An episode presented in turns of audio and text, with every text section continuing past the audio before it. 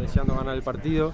Eh, los puedo entender que me hayan pitado. Yo la verdad que eh, lo único que puedo decir de, este club es que siempre eh, voy a estar agradecido, eh, me siento querido igualmente en este club, siento, siento un cariño que es muy grande por este club, que la gente ya lo sabe.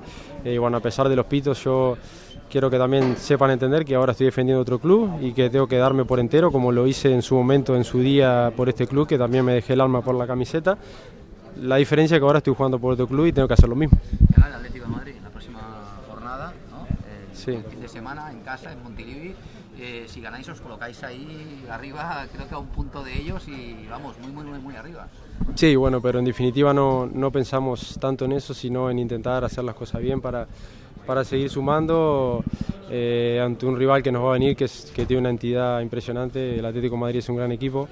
Eh, y bueno, vamos a preparar el partido de la mejor manera posible, intentando eh, bueno, eh, seguir con esta dinámica. Eh, Pichichi, 10 gols més, eh, més gols que Suárez i també que, que Messi. Com ho valores i si l'objectiu és, no sé, superar els 22 de la temporada passada o, o ser fins i tot eh, al màxim goleador?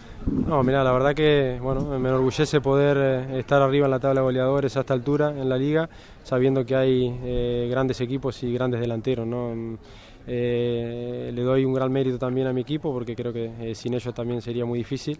Eh, pero bueno, voy a intentar eh, hacer todos los goles que pueda de aquí al final y indudablemente eh, poner por delante los, los intereses del equipo. Vale, última. Sí, una més, ho farem. Eh, 20 punts, 20 punts, els mateixos que el, que el Madrid. Suposo que, que no us imaginàveu. Com, com ho valores? No, no, para nosotros es, es, de mucho mérito poder estar a estas alturas en esta posición.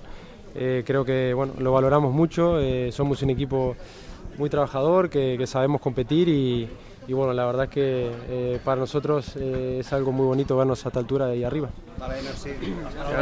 Adéu.